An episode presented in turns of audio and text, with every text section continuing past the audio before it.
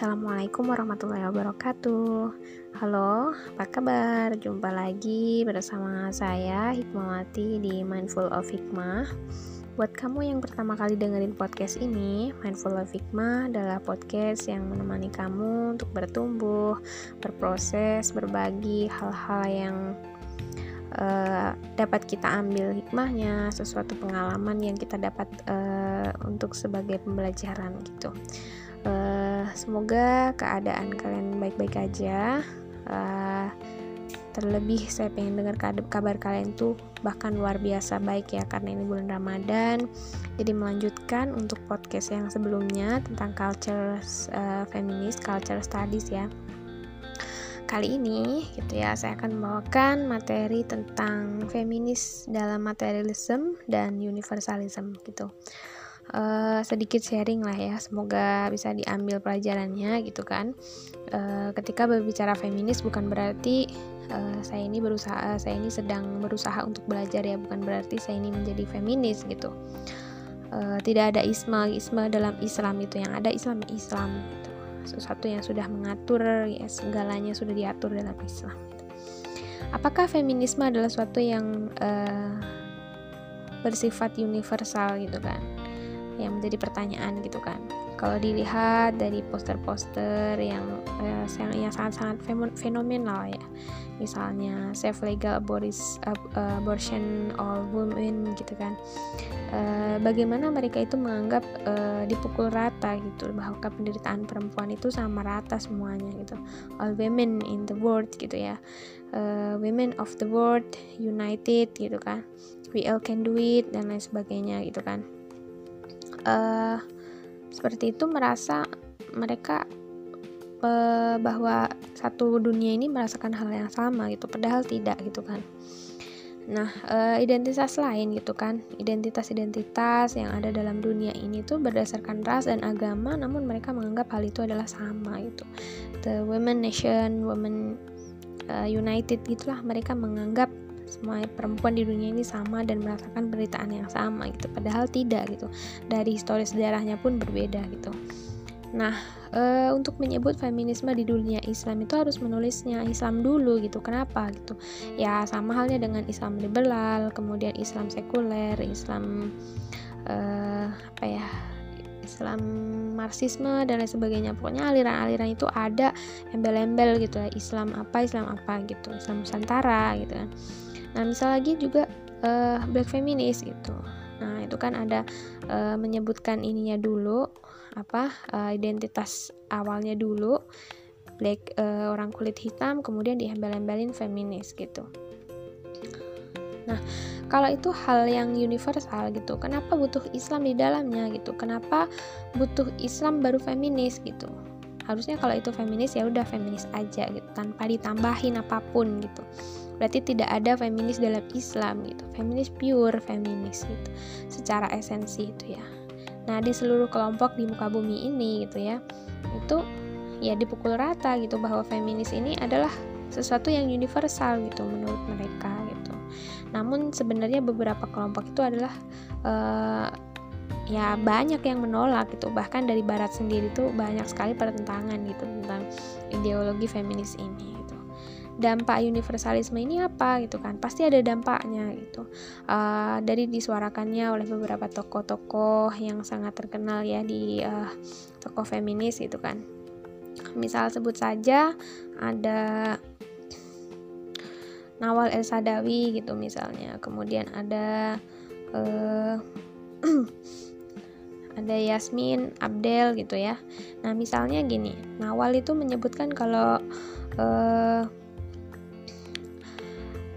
dari uh, feminis ini yang mana adalah uh, bentuk dari adanya ketidaksetaraan gitu ya dari uh, patriarki realisme gitu ya uh, bahwa kita di dunia ini adalah sama gitu laki-laki dan perempuan from the danger of patriarki. Jadi hmm, dari bahaya patriarki gitu. Jadi mereka itu berusaha untuk menyelamatkan gitu. Nah, and that the uh, oppression of the women is universal gitu. Jadi uh, opresi ini bersifatnya universal. Kemudian ada lagi kata-kata feminis yang dari Yasmin Abdel Makid gitu ya. Islam is the most ya Islam is the most feminist religion gitu. Nah, kalau menurut Yasmin ini uh, Islam ini sangat-sangat uh, feminis yang religius gitu make a eh, make equality a reality for all Muslim women jadi mereka dengan bangganya melabelkan feminis pada identitas muslimnya I am hijab wearing Muslim and I am a feminist. Mereka dengan bangganya menyebutkan dirinya feminis. Nah, kemudian uh, pada kasus hal lain gitu ya, respon feminisme ini banyak gitu ya uh, tidak hanya dari uh, timur aja gitu bahkan barat sendiri misalnya uh, ada tulisan dari Zeynep Kuser gitu ya uh, it is a food thriller for to create ya, in the cans of Islamic feminists which will fail to bring women to Islamic teaching and what instead pass the toward feminist gitu. Jadi dalam ideologi yang mana uh, Islamic feminist ini uh, tidak membawa pada pengajaran Islam gitu tidak membawa ajaran Islam. The Western secular ideology uh, which is established on the modern Western. Jadi kayak menganggap itu adalah um, Barat yang modern kemudian uh, membuat worldview yang sekuler gitu. Yang mana ideologi ini uh, dan secara epistemologi juga berbeda dengan Islam gitu dan Islam worldview Gerakan feminisme dapat tergelincir pada suatu dogmatisme baru gitu. Dogmatisme itu berupa pelenyapan keunikan individu oleh e, identitas kelompok yang mengatasnamakan feminisme itu kalau kata Julia Kristef itu dari dikutip dari Women's Time tahun 1981 eh, yang menurut Julia gitu uh, itu adalah upaya feminisme generasi awal yang menguniversalkan masalah perempuan gitu hal itu tidak tepat sebenarnya lantaran perempuan itu harus selalu ada pada peradaban, kemudian struktur psikis dan budaya yang berbeda antara satu dan yang lainnya. Jadi e, menguniversalkan keadaan perempuan pada saat itu gitu. Padahal e, keadaannya berbeda setiap daerah. Nah, ketika feminisme masuk ke dalam Islam gitu sebenarnya itu adalah menjerumuskan Islam gitu. Secara ideologis beda dengan Islamic worldview. Kalau worldview Islam itu punya basis atau Islamic worldview gitu ya. dan dasar yang berbeda dalam menentukan uh, apa itu feminis gitu. Nah, Julia tadi tuh mengkritisi feminis yang membawa dogma baru, kemudian uh, menguniversalkan perempuan baik yang ada pada perempuan secara fisik, kemudian psikis itu adalah beda gitu. Uh, Julia sendiri tuh menolak dirinya itu seorang feminis gitu. Bahkan justru orang barat sendiri punya uh, pandangan sendiri tentang feminis gitu ya. Uh, itu bukti nyata gitu uh, dia seorang perempuan yang uh, sangat punya apa posisi tertentu dia aktivis gitu. Namun dia menolak dirinya disebut feminis gitu. Uh, karena ini ternyata masalah barat secara keseluruhan ya. Jadi kalau kita membaca dari sejarahnya ternyata feminisme ini adalah masalah barat secara keseluruhan gitu dari latar belakangnya gitu. Nah universalisme ini bisa sama-sama uh, menebak derivasinya universal dari universe kemudian universalis gitu. Nah sebenarnya semantiknya itu sama gitu. Awalnya e, universalisme berasal dari bahasa Latin gitu ya.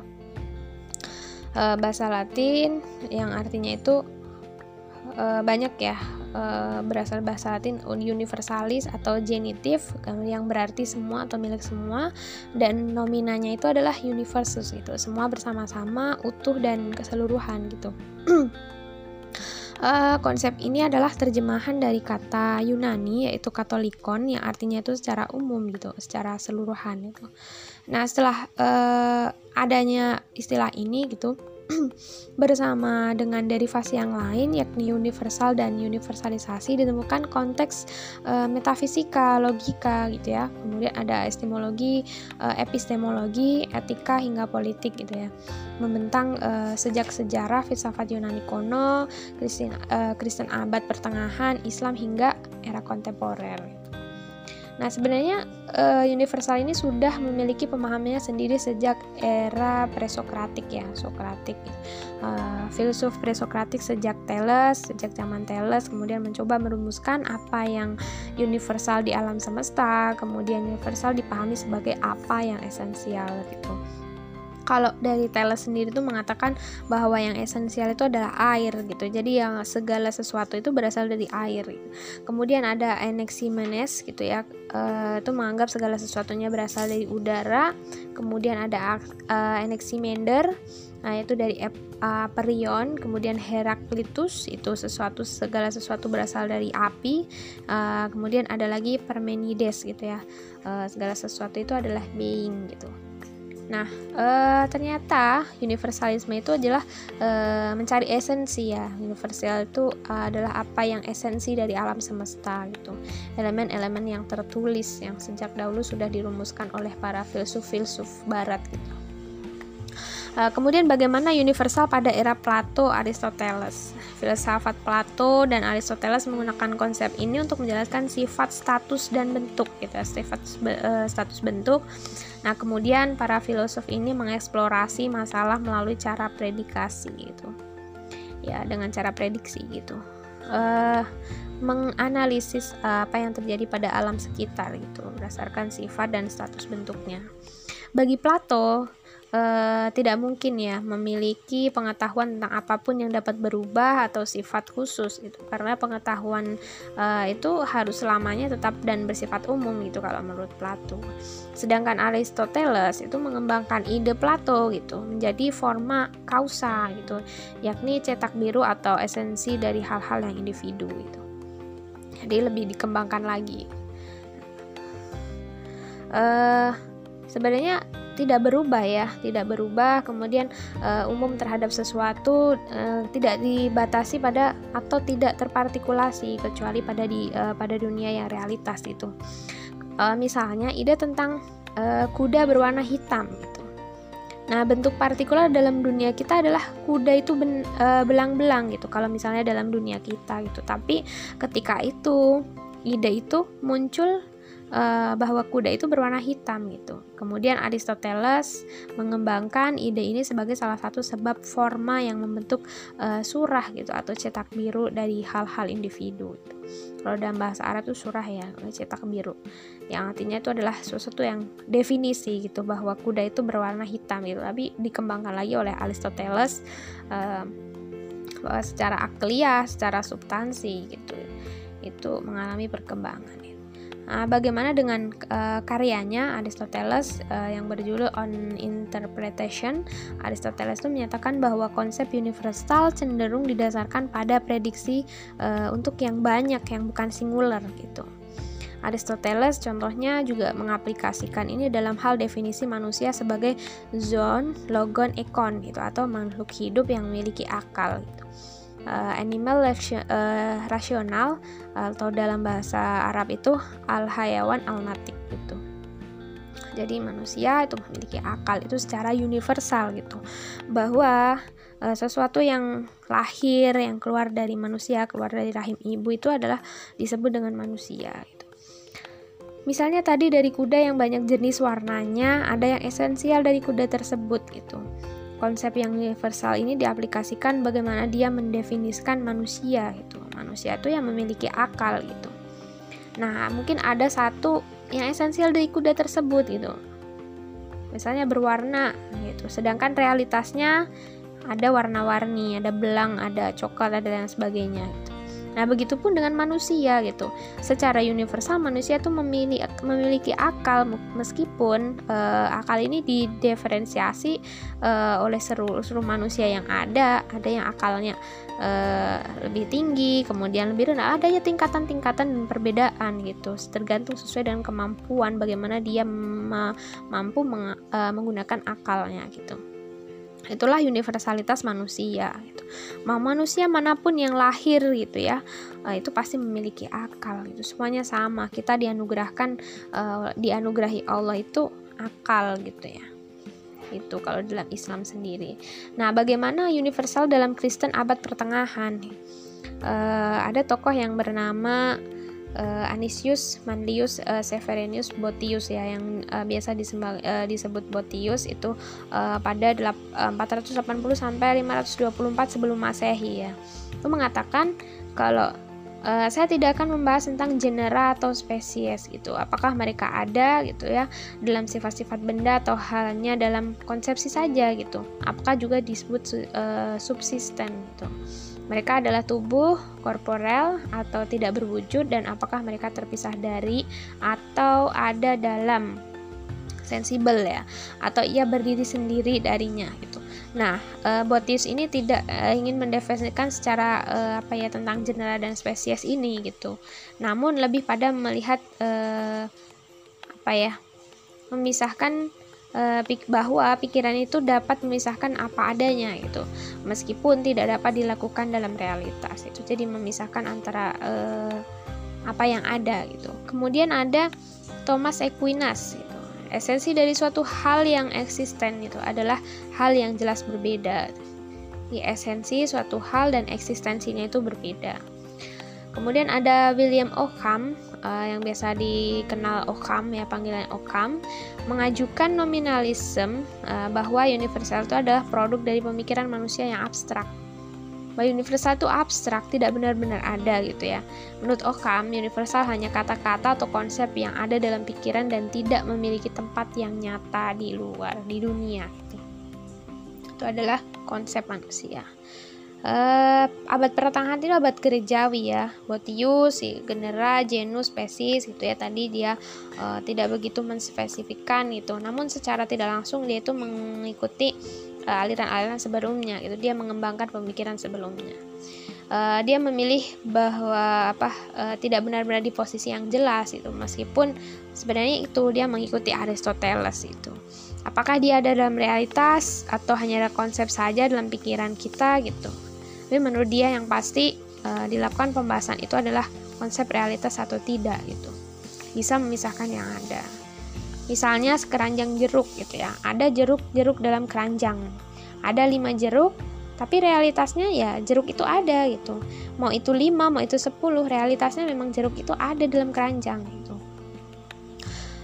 Kemudian angka itu hanya ada dalam pikiran kita itu. Misalnya satu keranjang jeruk. Kemudian kita dalam pikiran kita tuh ada 10 jeruk gitu. Realitasnya jeruk itu memang ada gitu. Tapi lima atau tidaknya kita harus ngecek secara realitas gitu. Nah, makanya kita tidak bisa memisahkan satu konsep dalam pikiran kita, mana yang satu, mana yang lima jeruk gitu. Secara secara universal memang ada bentuknya jeruk gitu. Nah, sekarang universal dalam ilmu kalam Islam. Uh, dalam bahasa Arab itu disebut kuliat gitu ya. Uh, mendapat pembahasan yang lebih dalam uh, itu dalam tradisi ilmu kalam gitu ya. Dengan tujuan uh, untuk uh, menjawab berbagai tantangan pemikiran dari kelompok filosof atau mu'tazilah gitu seperti itu dulu ya.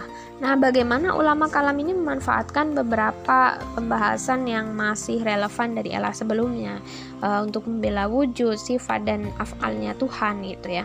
Karena uh, banyak sekali dulu penyimpangan terjadi penyimpangan pemikiran gitu ya Nah, pembahasan ini juga terkait dengan prinsip singularitas itu, kesamaan atau kesatuan dan pluralitas itu atau kebanyakan atau perbedaan itu, hakikat satu sama yang indivisible, uh, uncommon atau unset, uh, unparticated secara kuiditas itu ya, satu sebagai sifat, kemudian yang berbeda dengan satu sebagai esensi dengan uh, satu sebagai wujud gitu uh, kalangan mutakalimun itu bukan sekedar uh, menyatakan sesuatu namun yaitu tadi gitu untuk membela keberadaan Tuhan itu.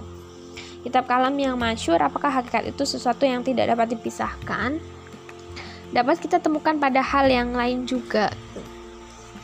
Uh, universal itu menjadi universalisme itu bagaimana gitu. Islam membuat bahasnya melebihi uh, uh, dari apa yang kita bayangkan intinya lebih canggih gitu ya uh, kalau universalisme sebagai ajaran agama Kristen gitu kita dapat uh, dapat kita lihat bagaimana gitu ya gagasan tentang gereja Katolik universal atau hi Katolik ke Eklesia gitu muncul pada abad kedua Masehi gitu dan terutama digunakan untuk menunjuk kesatuan gerejawi umat Kristen dan komitmen mereka kepada uskup Roma gitu. Ternyata waktu itu hanyalah sebuah komitmen pada uskup Roma gitu. Nah, kepercayaan Kristen ini didirikan di atas e, prinsip persekutuan yang merangkul semuanya gitu ya, yang berusaha untuk membawa semua pendukungnya di bawah satu jemaat gitu. Nah, karena Katolik secara resmi ditetapkan sebagai bagian dari doktrin Kristen itu pada Konsili Nicea I pada tahun 325 Masehi, kemudian Katolik ini menyegel aliansi iman Kristen dengan kekaisaran Romawi itu yang tidak hanya memiliki konsekuensi teologis tapi juga politik yang signifikan itu. Uh, sebenarnya barat itu sadar gitu ya akan uh, konsep dari gereja barat gitu yang bahwa secara persekutuan kepausan itu harus berada di bawah pemerintahan administratif yang tunggal gitu. Nah, akhirnya bersatu dengan politik, agama ini bersatu dengan politik yang dasar gitu ya bahwa gereja barat tuh mampu menyatukan mereka gitu. Sebenarnya mereka ingin menunjukkan hal itu gitu. Ada tujuan politiknya itu di bawah kepausan umat Kristiani itu. Jadi uh, universal yang mereka definisikan itu seperti itu. Tidak cuma Katolik yang menjadi mazhab Kristen, kemudian uh, yang masuk ke ranah politik gitu. Katolik pun men, uh, memposisikan dirinya dan menyebut satu gitu, membedakan uh, ajaran yang buruk gitu bagi mereka gitu. Yang sebenarnya itu menolak Trinitas gitu, adanya perbedaan Tuhan, Yesus dan Trinitas itu ya itu kelompok Arius itu ya namanya. Ya itu menjadi uh, semacam tantangan dan ancaman gitu bagi mereka. uh, Kristiani Trinitas itu adalah satu gitu menurut mereka dan uh, agar bisa menyelamatkan dogma ini secara langsung sekaligus membedakan diri dengan kelompok Arius gitu maka mereka itu membentuk satu kesatuan yang ditekankan oleh Santo Agustinus itu ya maka Katolik yang didirikan ini memberikan jalan universal menuju keabadian gitu di bawah naungan e, Roma gitu ya. Nah, sebenarnya menjadi kontradiktif tentang masyarakat yang berlawanan gitu dengan kaum pagan gitu. Apa yang disebut dengan universal dan Katolik beroposisi dengan kelompok pagan gitu. Nah, universalisme ini sebenarnya digembar-gemborkan pada saat yang sama telah memberikan pemisah gitu. Sebenarnya yang memisahkan dengan kelompok yang lain yang menurut mereka tidak sejalan gitu.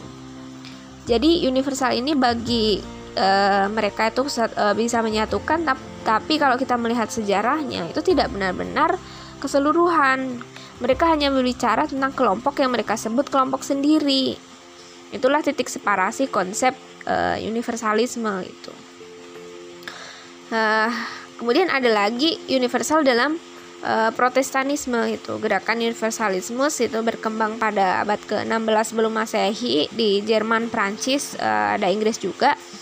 Uh, itu dari teologi ya, dari satu konsep uh, kepercayaan itu. Nah, gerakan ini tuh menggambarkan sifat yang berbasis Protestan itu yang bagi mereka rahmat dan kebajikan Tuhan itu berlaku untuk semua manusia gitu dengan cara yang sama gitu.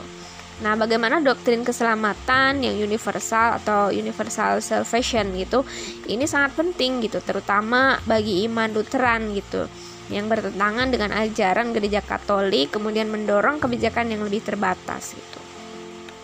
Uh, di mata kaum reformis, kekristenan resmi tidak cukup Katolik itu. Katolik tadi dalam pengertian universal gitu ya. Uh, firman kekristenan ini yang asli dan universal harus diselamatkan dari partikularisme doktrin gerejawi gitu. Ya, menurut mereka harus diselamatkan gitu. Nah, tradisi universalisme ini yang menjadi titik tolak bagi para filsuf pencerahan seperti Lessing, uh, Mendelssohn, Kant, uh, yang kemudian menjadi pendukung utama gitu. Selama periode waktu itu uh, gagasan universalisme melewati proses sekularisasi gitu yang memisahkan satu dengan yang lainnya gitu. Secara bertahap kemudian melepaskan banyak konotasi teologisnya gitu. Jadi tidak tidak ada kaitannya dengan teologis gitu. Uh, mereka itu langsung mengambil pemahaman uh, menafsirkannya sendiri gitu. Jadi uh, memisahkan dogma apa ya? gerejawi gitu. Jadi mereka bisa menggunakan kitabnya sendiri membaca sendiri kemudian menafsirkan sendiri gitu. Itu pada abad pencerahan itu siapa yang fenomenal? Itu ada Emmanuel Kant uh, yang uh, apa ya merepresentasikan dari dinamika pemahaman gitu ya.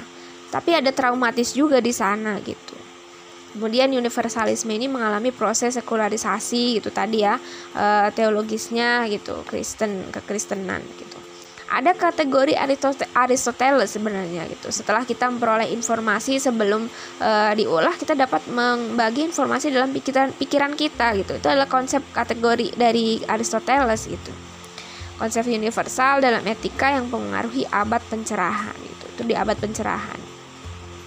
Nah, bagaimana prosesnya uh, sekularisasi universalisme ini? uh, ada pertama itu universal ini adalah uh, apa ya sesuatu yang melekat pada proyek filsafat subjektivis gitu yang dimulai dari Descartes gitu yang kemudian memahami akal itu sebagai fakultas yang umum bagi semua orang gitu jadi uh, dianggap itu adalah semua orang kemudian mencari struktur a priori universalnya selain untuk alasan epistemologisnya juga dianggap e, berfungsi sebagai dasar penilaian moral kita gitu seperti yang ditekankan oleh Kant gitu Emmanuel Kant gitu ya. Kemudian uh, ada lagi universalisme gitu yang dimasukkan dalam teori-teori hukum alam yang bertujuan untuk menemukan uh, baik dasar uh, kehidupan komunal maupun pembenaran kekuasaan yang berdaulat itu. Seperti yang dikatakan oleh Pierre Keren pada risalahnya adalah Sekes itu uh, tahun 1601 yang mana bunyinya persetujuan universal itu adalah tanda hukum alam karena jika ada suatu yang ditentukan alam untuk kita gitu.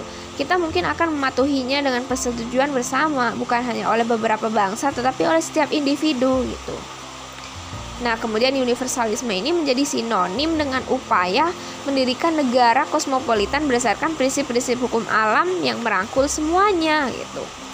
Nah, mimpi untuk negara super global, kemudian konversal universitas manusia gitu.